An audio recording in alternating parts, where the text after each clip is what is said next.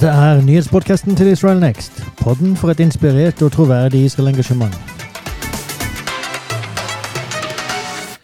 Og jeg er Roar Sørensen, og dette er Inside Out, som gir deg nyhetsperspektivene fra Israel. Datoen er i dag den 29. april. Så eh, da har det gått en ny uke. Vi er tilbake. Og eh, de sakene som vi skal ta opp her i dag, det handler først uh, Første saken handler om denne spesielle perioden som vi er inne i akkurat nå i forhold til den uh, kalenderen i Israel.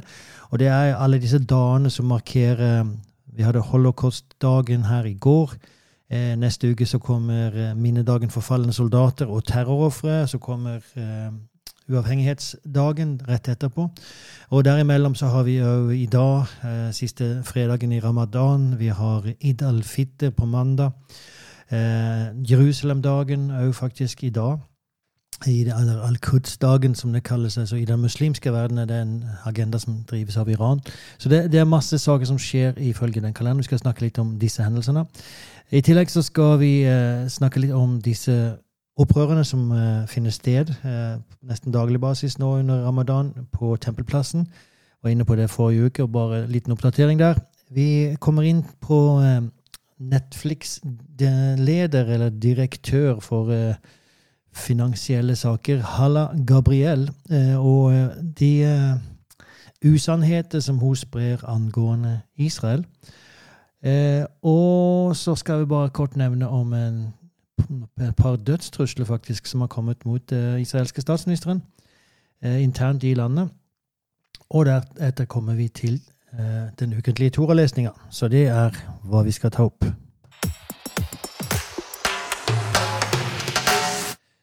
Så da går vi til denne spesielle perioden som vi er inne i akkurat nå, og ifølge den israelske kalenderen. Og som sagt, altså var det holocaust-dagen i dag, og det preges jo veldig ofte, eller ikke veldig ofte, det preges alltid av uh, veldig mange historier som fortelles på radio og i nyheter, uh, der man intervjuer overlevende fra holocaust. Uh, og det var altså ferdig i går. man hadde sirene på i forgårs på kvelden. Så begynner jo, det begynner jo på kvelden, som de jødiske døgnene gjør. så det begynte onsdag kveld. Ferdig torsdag kveld. Og begynner med sirene og en seremoni på Yad Vashem, holocaustmuseet i Israel. Uh, der òg statsledere og statsminister, president osv. er til stede. Så det, det, har jo veldig høy markeringsrang, kan man si, i Israel, noe som det også bør ha. Uh, samme sak med sirene Henne da på tirsdag, eller dagen etterpå, på torsdag denne uka. Eh, og da hele landet stopper opp og minnes de seks millioner jøder som ble drept under holocaust. Så kommer denne perioden, da, disse mellomdagene, når vi eh, er mellom holocaustdagen og eh, minnedagen for de falne soldater og terrorofre. Og der også er det ganske mye fokus på denne, denne saken, altså Israel minnes sine døde. Og eh, kombinasjonen mellom holocaust og eh, de falne soldater og Israels uavhengighetsdag Så blant annet i dag så uh, hørte jeg intervju med en israelsk guide som organiserte guida turer til plasser som, som, kombinerte de her. For det har jo seg så at etter holocaust så var det en del av de overlevende som tok seg til Israel. Eh, og noen av de ble jo først sittende i eh, sånne såkalte displaced person camps i Europa. Altså eh, personer som hadde blitt eh, jaga ut av sitt hjem og ble plassert eh, internert i, i leirer i Europa. Men eh, etter hvert så kommer de, en del av disse til Israel. Og det som hender når de kommer dit, er jo at de i prinsipp kommer Visse av de kommer faktisk rett til uavhengighetskrigen i 1948. og noen kommer litt før. Men det som hender, er at mange av disse faktisk eh, dør. Eh, de får et gevær i prinsipp når de kommer og blir sendt rett til fronten. For eh, det er jo en enorm mangel på soldater. Og så mange av de da dør. Og en av disse turene tar, gruppe, tar gruppe med til en skog som har blitt oppretta til minne om holocaust-overlevende som kom til Israel døde i uh, krigen, uh, uavhengighetskrigen 1948, og som var de eneste som var igjen fra sin familie, uh, såkalt Netzer Acharon, eller Den siste spire. som de kalles. Og eh, da er det oppretta en stor skau eh, ikke så langt ifra Latrun, ikke så veldig langt ifra flyplassen, Ben Gurion, eh, som er oppretta til minne om disse, da. Og der så, så, kombinerer man da dette som skjedde i Europa, med det som skjer i Israel. Det fins òg et minnesmerke på Herzlfjellet Eh, til Netzer Acharon, altså den siste spiret. Eh, og da er det Minnesmerket er i form av et kunstverk som er eh, et hus som er snudd på hodet. Altså vendt opp ned, og der bonden har falt ut. Og det er liksom denne slekta, denne familien, nå er den borte. Så en veldig sterke måte som man markerer dette på. Eh, en annen sak som var interessant å se denne gangen, det var eh, faktisk intervju med israelske arabere som har valgt å gå på kurs, gå på undervisning og guide turer på Holocaust-museet for å lære seg om eh, holocaust eh, og lære seg så De, de ble intervjua på, på, TV og radio, og de spurte altså hvorfor er dere her, hvorfor uh, syns dere at dette er viktig. Og da så sa de det at det, vi syns det er viktig fordi at vi vil forsøke å forstå mentaliteten til jødene her i landet. Og uh, det, det, er jo utrolig uh, interessant, utrolig skal man si, bemerkelsesverdig og positivt at du har Eh, en gruppe blant arabere. Og eh, vi får jo håpe at den gruppa vokser òg. Eh, som vil sette seg inn i dette. For de, de, sa det rett ut at når vi ser reaksjonene i det jødiske miljøet i Israel på forskjellige anklager som blir kasta mot Israel, eh, terrorangrep som kommer, så ser vi at reaksjonen er veldig sterk. Og eh, vi tror at det, her kan hjelpe oss å forstå hvorfor det er sånn. Og, og, hvorfor man insisterer på at dette skal være en jødisk stat. Så det, det fantes jo veldig mye positive holdninger blant disse araberne. De var utrolig rørt etter å ha gått gjennom Holocaust-museet med en jødisk guide, eh, der de òg ble, ble, traff eh, overlevende fra holocaust som fortalte sin historie. Så eh, man kunne se virkelig at de var berørt av det de hadde hørt og sett.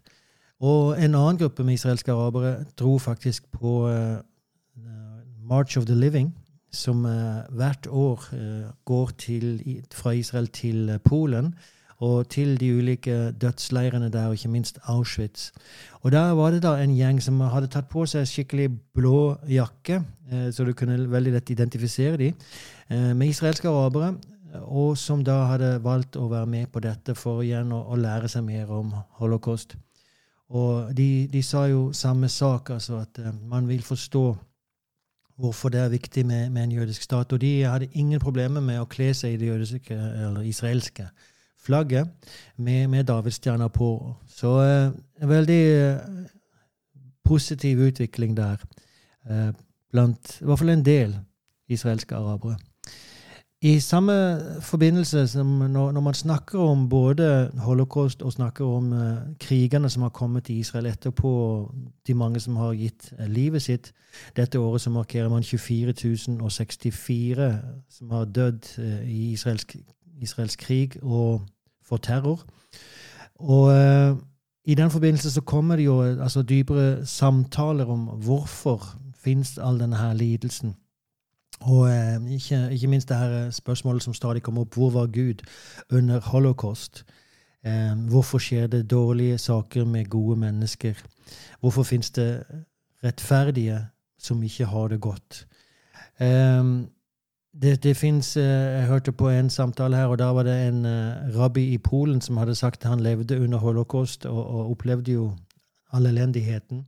Og til å begynne med så skrev han og, og forsøkte å trøste sitt samfunn og, og, de som var rundt han. Eh, men etter hvert så, så, så, så, sa han jeg har ikke flere ord. Ikke for å trøste meg sjøl, og ikke for å trøste andre. Så han kan du si, gikk tom for ord. Og det, det fins altså disse forskjellige uttrykkene. Um, så når det gjelder akkurat dette spørsmålet hvor var Gud under holocaust, eller hvorfor skjer det dårlige saker med bra mennesker, med gode mennesker, så sies det jo da at det fins ikke ett svar på det. Det, det fins mange svar, mange teorier, men du kan si det er vel egentlig ikke ett bra svar som dekker alt dette. Eh, en annen eh, rabbi som også ble sitert, og som levde han, han, han, levde ikke under holocaust, men han ble sitert etterpå. Han sa som så at Gud kom ikke ned på Sinai under holocaust og sa Israel er mitt elskede folk. Altså, det, det kom ingen guddommelig manifestasjon under holocaust. Derimot så kom det røster, som, som denne rabbinen sier, fra Satan, som sa at vi jødene er verdens verste skapninger. Vi er verdens ulykker. Og derfor må tilintetgjøres. Og da så, så, var hans konklusjon da om vi, som det jødiske folk, er fienden til det onde, da må vi i alle fall være på rett side. Så eh, Men det er bare det, det, er vondt, men det er jo interessant å se hvordan disse samtalene går eh, hvert år i Israel rundt akkurat disse to spesielle minnestandene for holocaust og, og soldater og terrorofre. Eh, så ble det jo sitert eh, et sitat fra Elie Wiesel, som jo opplevde holocaust, og, og eh, som da ble en veldig verdenskjent eh, forfatter, tenker. Og han skal ha sagt at eh, når han hørte, eller når, når de prates om uh, holocaust, så sa han men vi skal ikke glemme at det kunne vært verre. Og bare en sånn uttalelse får jo reaksjoner. Kunne det virkelig vært verre? Men han sa som så det kunne vært verre. Vi kunne vært nazistene. Og det får han jo virkelig til å tenke at uh, ja det, Altså det kunne faktisk vært verre. Man kunne ha vært de som overgrep seg på et folk. De som forsøkte å uttrykke og utrydde et folkeslag. Eh, så eh, det, det der gir eh, litt tid for ettertanke. Og igjen så gir det tid til for ettertanke om vi skal sette det inn på en kanskje mindre skala, eller definitivt mindre skala, men i det samfunnet vi lever i og eh, sette det inn på våre egne liv.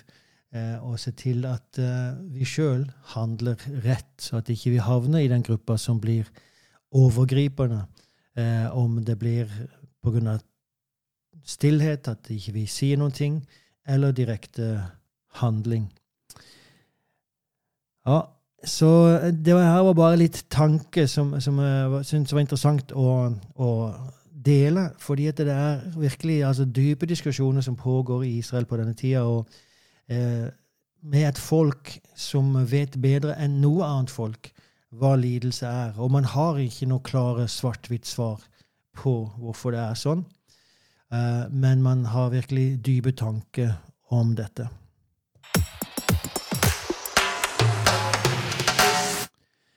Da kommer vi til uh, disse opprørene som har funnet sted nesten daglig på Tempelplassen.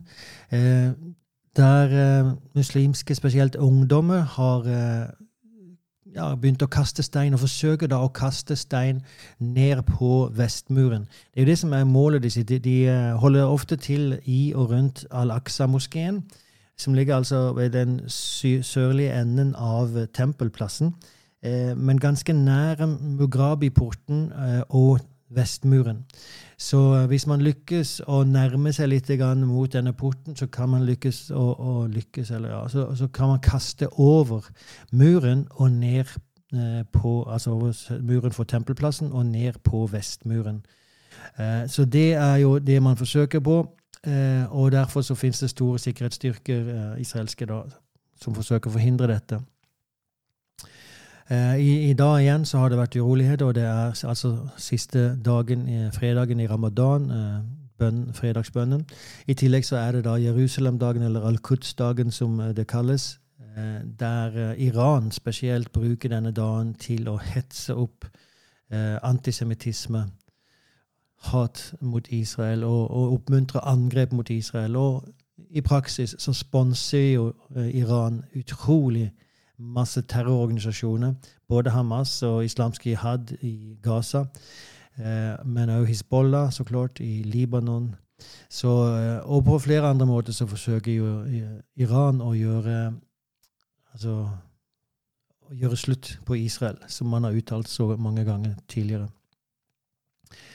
Um, vi har allerede klart av en del av disse tøffe dagene som er i forbindelse med ramadan. Leila al-Qadir, eh, som er eh, en av disse, og som fant sted nå i uka.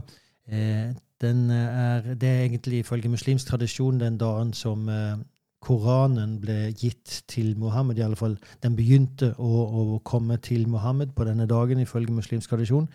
Og man anser den dagen for å være en spesiell dag av, av stor uh, betydning for framtida, der, der, ens skjebne forsegles for det kommende året.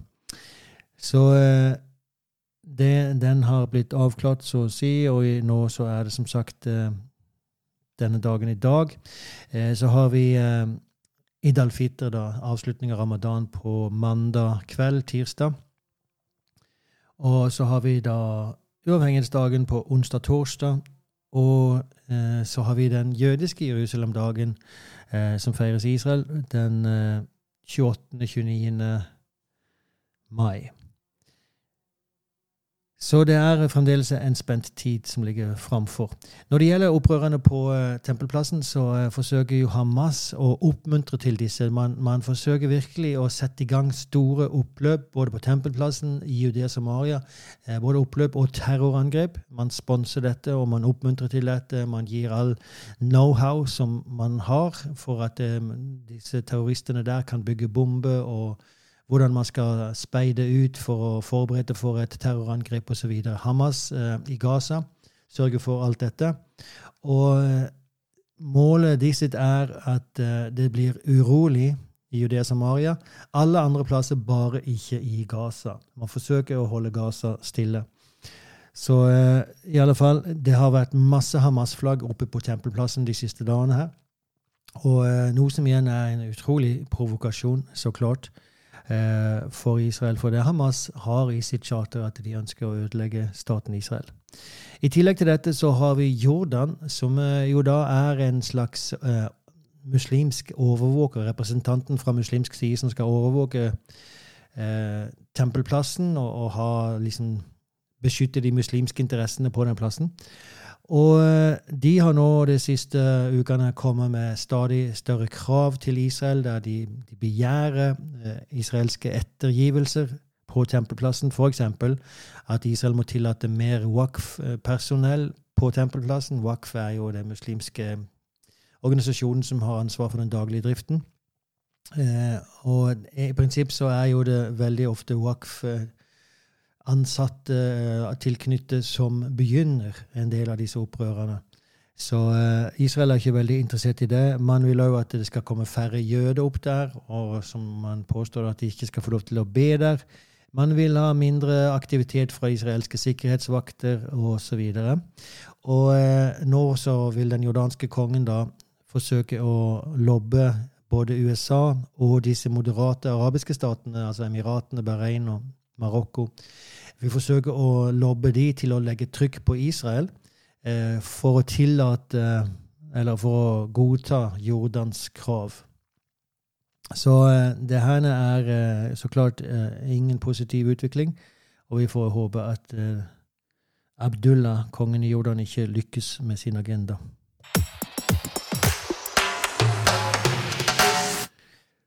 Halla Gabriel er eh, Production Finance Executive at Netflix.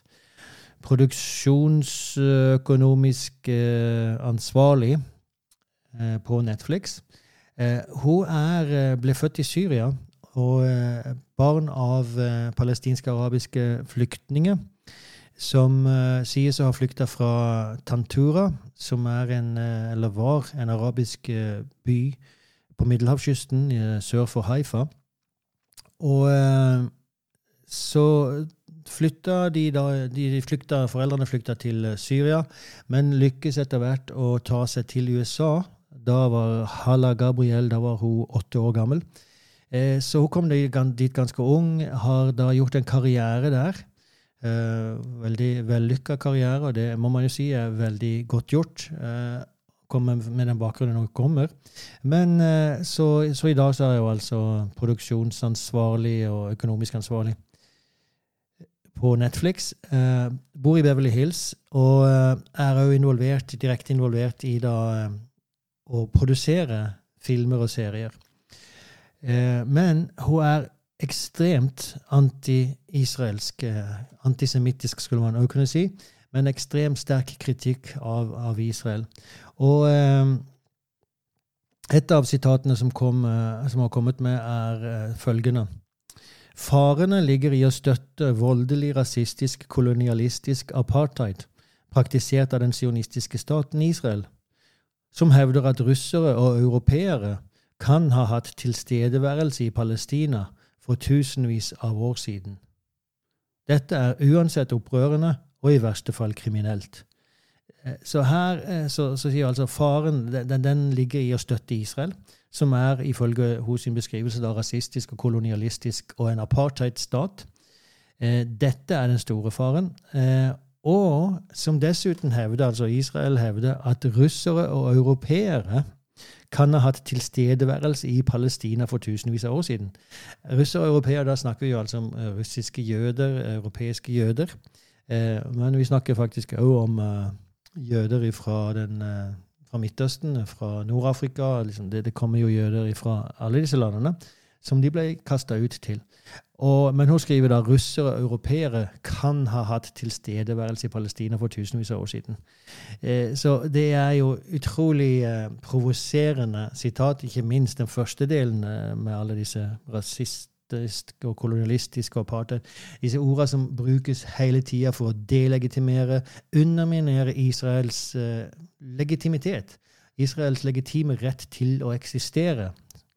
Eh, men det er jo ganske interessant, da, og ganske merkelig, skal man kunne si, at eh, disse at europeere og, og andre opp gjennom historien, gjennom alle århundrer, ikke har hatt noe problem med å se koblingen mellom det som hun kaller russere og europeere, altså russiske jøder, eh, europeiske jøder Vi har ikke hatt noen problemer med å se denne koblingen mellom jødene i Europa og de i Bibelen. Eh, gjennom alle århundrer så har det jo faktisk vært akkurat dette, at de er etterkommere av de som drepte Kristus. Det er jo det som har vært eh, det store anklagen mot jødene opp igjennom århundrene i, under middelalderen. Eh, og som sagt, det har ikke vært noe problem å se koblinga da. Eh, så eh, at det skulle være noe kontroversielt i å se den koblinga i dag, er jo veldig merkelig. Um, I tillegg så uh, Halla Gabriel hun har òg en uh, konto, eller administrerer en konto som handler om Tantura, den her arabiske byen, uh, der hun mener at det har pågått en massakre i 1948. Eh, og det er jo eh, igjen da et utrolig problematisk eh, uttalelse, eh, som har blitt tilbakevist eh, mange ganger i, i Israel. Eh, men i alle fall så holder hun denne kontoen, og der så, så skriver hun igjen da veldig ondskapsfulle sitater om Israel og da påstander om massakrer. Eh, men her eh, for en stund siden så la hun opp et kart der eh, hun skrev kart over Palestina, publisert av National Geographic i 1947. og der så står det da altså Du ser kartet over Israel, og så ser du Jordan, og du ser Libanon. Og så står det over det som vi kaller Israel, der står det Palestina, Palestine. Over hele området. Og eh, med det så forsøker hun også å sende et budskap og si der ser dere, dette er sånn som det ble oppfatta. Det har funnes et historisk Palestina. Eh, det som hun da glemmer, eh, og glemmer er jo i gåseøyne, det er at det er ingen som diskuterer og, og motsetter seg at Palestina er et navn som har vært brukt historisk om denne plassen. Det, det er ikke det som er Eh, diskusjonen. Eh, men hun eh, glemmer også det, det, velkjente faktum at det navnet kom i bruk hundrevis av år etter at samme område først hadde blitt kalt Israel. og at det navnet, Palestina, også ble, kom i bruk som et offisielt navn, navn først for å bryte koblinga til jødene. Akkurat det, det, var målet med å bruke dette navnet. Vi er nå på eh, i det andre århundret etter Kristus. Keiser Hadrian. Eh, hun glemmer òg at det araberne opp gjennom historien ikke har foretrekket dette navnet. Man har isteden sett på det som Syria, eh, og kaller det for Sør-Syria. Og bortser òg fra det faktum at bare under det romerske, under romerne og under britene i moderne tid, så har det offisielle navnet på dette området vært Palestina alle årene derimellom, og, og du kan jo si da fra 600-tallet til, uh, til 1900-tallet, faktisk, så har dette navnet aldri vært det offisielle navnet på området. Uh, og det er den perioden da muslimene har herska der. Det har, da har ikke Palestina vært det offisielle navnet. Det er først, uh, det første gang under romerne, og igjen da i, på 1900-tallet under britene, at dette ble det offisielle navnet på området. Eh, Halla Gabriel glemmer òg det faktum at i 1947, da dette her eh, kartet som National Geographic da publiserte, skal referere til, i det året der så var ca. en halv million av de som ble kalt palestinere, jøde. Uh, og en million var arabere.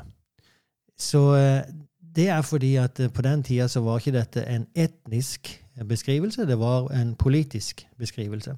Alle som bodde i det palestinske mandatet, ble kalt palestinere. Så eh, hvis hun hevder at det fantes et Palestina i 1947, så kan man jo si at ja, og en halv million av de eh, palestinerne var jøder.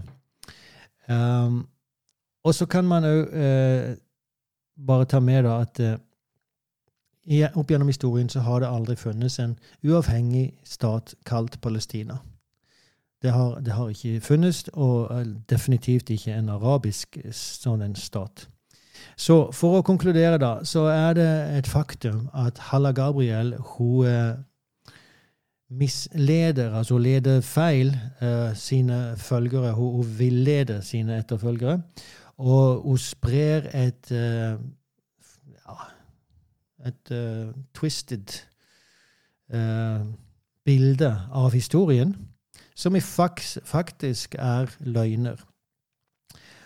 Og det er faktisk òg da, bare for å sette det inn i en større sammenheng, eh, urovekkende å se at uh, hun er leder for Netflix. Eh, når vi ser det at eh, Netflix egentlig på en, på en alarmerende måte følger Um, eller stadig ser en økende identifikasjon med Netflix og den politiske ekstreme venstresida, uh, som motsetter seg konservative verdier. Uh, nå snakker jeg om altså, disse seriene som ofte publiseres, og den, den, agendaen som drives via Netflix i dag. Uh, så er det veldig ofte ekstreme krefter på venstresida som driver den agendaen, og det ser man på de serier som publiseres. Uh, som motsetter seg konservative verdier. De motsetter seg faktisk òg um, politisk og ideologisk pluralitet. Man, man, man, ønsker ikke å representere et annet syn enn det som kommer fra den ideologiske venstresida. Uh, og derfor òg så motsetter seg man grunnleggende uh, demokratiske verdier som ytringsfrihet. Når man ikke i praksis praktiserer det, da. Så Alt dette da er jo faktisk med på å undergrave hele det vestlige samfunnet og den jødekristne arven som, som vi bygger på. Nå, nå, nå, har jeg dratt dette eh, ganske langt, men det er der eh, som eh, Halla Gabriel definitivt er på vei, og som eh, Netflix òg eh, virker å være på vei mer i større og større grad imot. Dette er et stort problem med tanke på den innflytelsen som Netflix har for hvis det er som så at eh, man kan bare kaste ut eh, sånne forskjellige påstander, da har man mista kjærligheten til sannheten. Og der, der, man mister kjærlighet til sannheten, så blir det til slutt ingen regler, ingen standarder, verken moralsk eller etisk, som blir stående. Og resultatet er anarki. Eh, og det er ikke bare Netflix som som er, på vei denne veien. Disney er òg eh, på vei denne veien. Eh, og flere andre, Amazon osv. Så, videre. så det er viktig å være vågen. Ikke minst for kristne så er det viktig å lese Bibelen. Og bare være trygg på innholdet i Bibelen, og at det er den, og ikke Netflix, som gir oss våre verdier og vårt moralske kompass. Jeg kan ikke understreke dette tydelig nok pga. den store innflytelsen som eh, ikke minst av Netflix, men også andre firmaer som holder på med dette, eh, har. Så la oss være trygt basert på de bibelske verdiene, og ikke la Netflix få diktere hvilke verdier vi skal ha.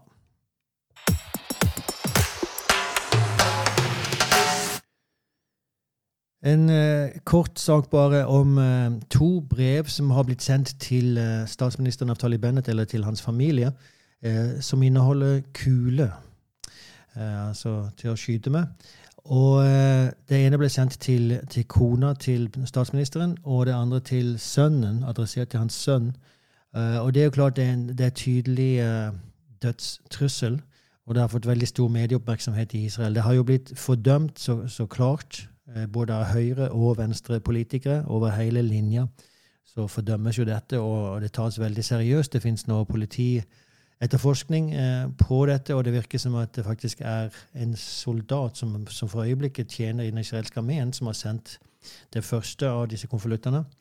Eh, men uansett så er det utrolig farlig, fordi at den fyren som sender dette, han tenker kanskje ikke å gå hele veien.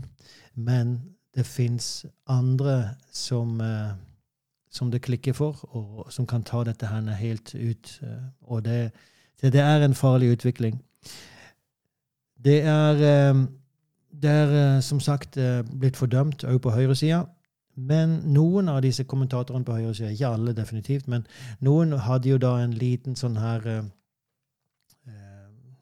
ja, setning ved siden av der man sier men det kan jo være at tidspunktet for publiseringen av dette var uh, valgt med omhu for å hjelpe statsministeren rent politisk. For det, det, er klart at statsministeren er ikke veldig populær for øyeblikket, spesielt ikke i sin, uh, sin egen leir. Han kommer jo fra høyresida, uh, men anses da for å ha gått veldig langt til venstre. Og det er dette som han mener ligger bak disse truslene.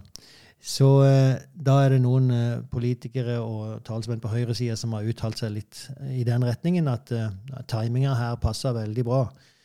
Så kan det ligge noe annet bak dette.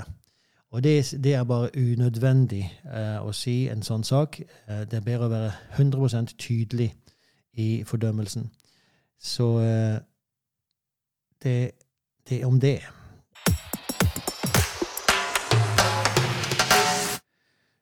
Da kommer vi til Parashata Parashat Shavua, og uh, den uh, delen som vi skal lese i dag, heter Achrei Mot, og handler altså om Eller den kommer fra 3. Mosebok 16,1 til 1830.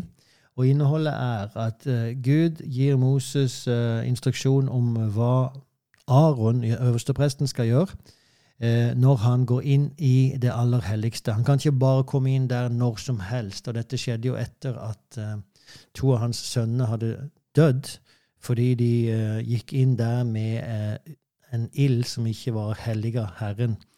Og eh, det, det, er det som Achreimot betyr, etter døden til disse to sønnene av Aron så får altså regler om når han kan gå inn der, og det er i prinsipp eh, reglene for Yom Kippur, den store forsoningsdagen.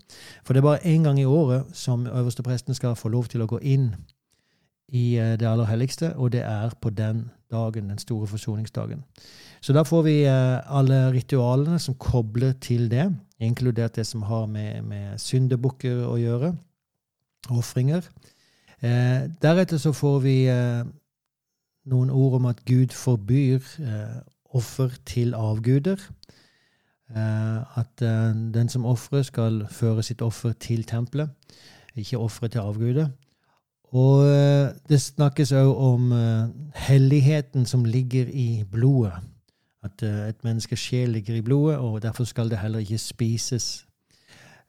deretter kommer det en lang rekke lover mot seksual umoral og forbudte seksuelle relasjoner. Det er i prinsipp denne ukas portion.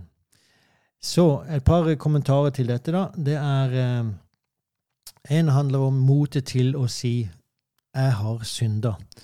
Og eh, der så pekes det da på denne kommentatoren snakker om eh, når eh, dagen, altså den store forsoningsdagen begynner, så begynner den med at det er øverstepresten som må bekjenne sine synder.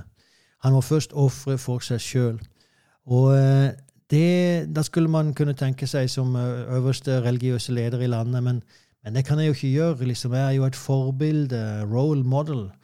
Eh, men det er akkurat derfor at det er så viktig at han går først og bekjenner sine synder, og dermed åpner opp og skaper en atmosfære av synd, å bekjenne sine synder. Så da så, så, sier denne kommentatoren at eh, det, det, jødedommen gjør, det er at den hjelper oss å innrømme, bekjenne våre feiltagelser eller synder eh, på tre forskjellige måter. Og det ene er ved å være veldig tydelig på at når du gjør det, så kan du være sikker på at Gud tilgir. Så det er sak nummer én. Derfor så, så er bekjennelse veldig stort i jødedommen. Vi har vært inne på det tidligere i forbindelse med høytidene som kommer på høsten, rundt Jom Kippur, at der finnes det en hel måned der man søker Gud, ber en tilgivelse. Og ja Om tilgivelse, ja. Så det er det første. Gud tilgir. Eh, det andre er at det fins eh, altså I bibelteksten der så fins det en klar forskjell på synden og synderen. Og, og det hjelper òg, eh, fordi at da kan man faktisk akseptere personen. Man mister ikke troen på personen, på synderen, fordi at det er, synderen er ikke det samme som synden. Og eh, det, det, går jo tilbake på en sjøl òg, eh, så derfor kan man jo akseptere til slutt seg sjøl. Eh, og det tredje er denne bevisstheten som Jom Kippur skaper i den jødiske mentaliteten, som altså har å gjøre med at vi er ikke Vi skammer oss ikke for å innrømme våre synder. Og det er derfor spesielt da fordi det går foregås av ledere, spesielt lederen, i, i samfunnet. Eh, og det, det, ser man, det sitter igjen, selv om det i dag ikke finnes noe tempel, ikke finnes noen øverste prest, så sitter det igjen i den jødiske kulturen dette med at man ikke man skammer seg ikke over å bekjenne sine synder.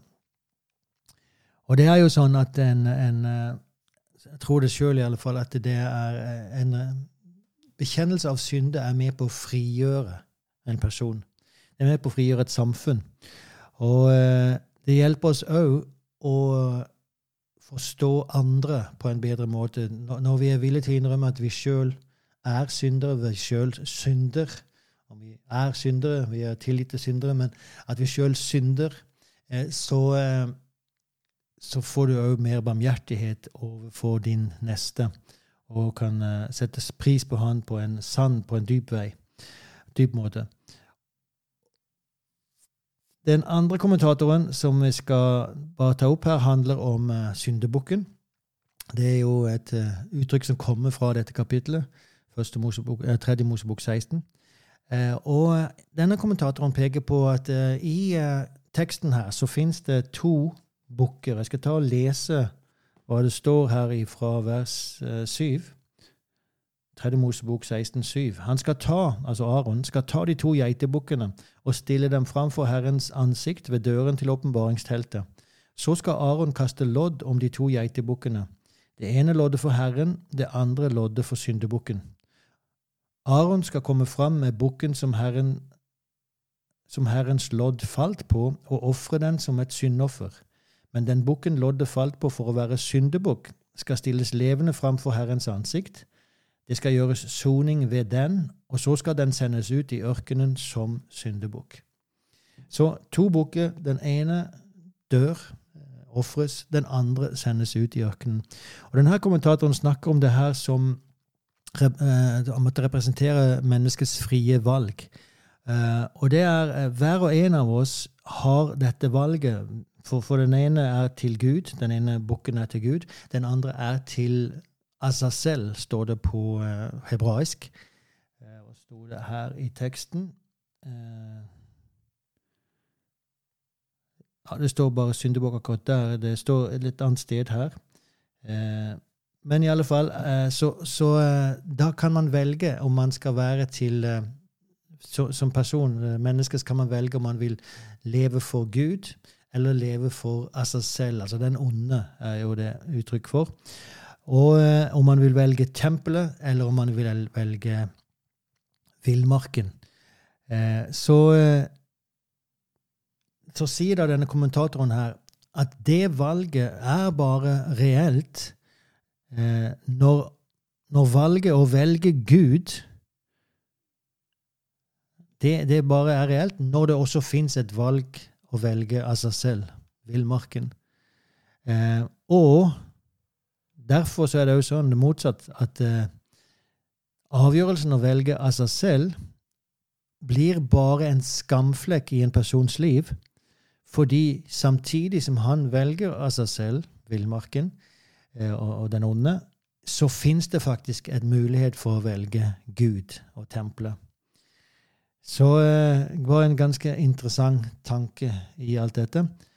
Og eh, det, det, er jo faktisk sånn at den her skammen, disgrace, som uh, kommentatoren her skriver, dominerer i vårt samfunn i dag. Fordi at så veldig mange av oss har valgt av seg selv. Har valgt villmarken når tempelet har vært tilgjengelig. Uh, og det som er enda verre kanskje i samfunnet, det er at vi forsøker å forklare villmarken som idealet eh, som det gode, som det der alle dydene fins. Eh, det er jo sånn det presenteres eh, i dag. Eh, at denne her villmarken, alt som ikke er Gud, det er det gode. Så eh, vi er eh, på, på, gale veier akkurat der, og denne her teksten her kan hjelpe oss å korrigere. Ok, det var det jeg hadde for denne gangen. Da er vi til veis ende, og uh, vi skal som vanlig avslutte med den prestelige velsignelsen. Og bare, bare si det at uh, du får gjerne støtte arbeidet. Vi uh, har en konto, en vips konto og vi er takknemlige for enhver gave som kommer inn der. Vi, kan si det, Dette arbeidet drives jo basert på at vi klarer å finansiere det. Så stor takk for din gave, og stor takk til alle dere som gir fast. Og du kan òg få være med og spre denne podkasten, så gjør gjerne det med å snakke om den til andre. Og bruk, som sagt, dette som vi snakker om, til å være med og be. Eh, være informert, være en informert eh, kristen som kan si noe godt om Israel på, med, med, fakta i, eh, på banken, så å si. Det er målet vårt. Da uttaler vi velsignelsen over Israel. Jevarechecha Adonai vejishmerecha. Ya'er Adonai panavelecha vejechoneka. Yissa Adonai panavelecha vejasemlecha shalom. Amen. Da sier jeg takk for meg, og til neste gang, si noe godt om Israel.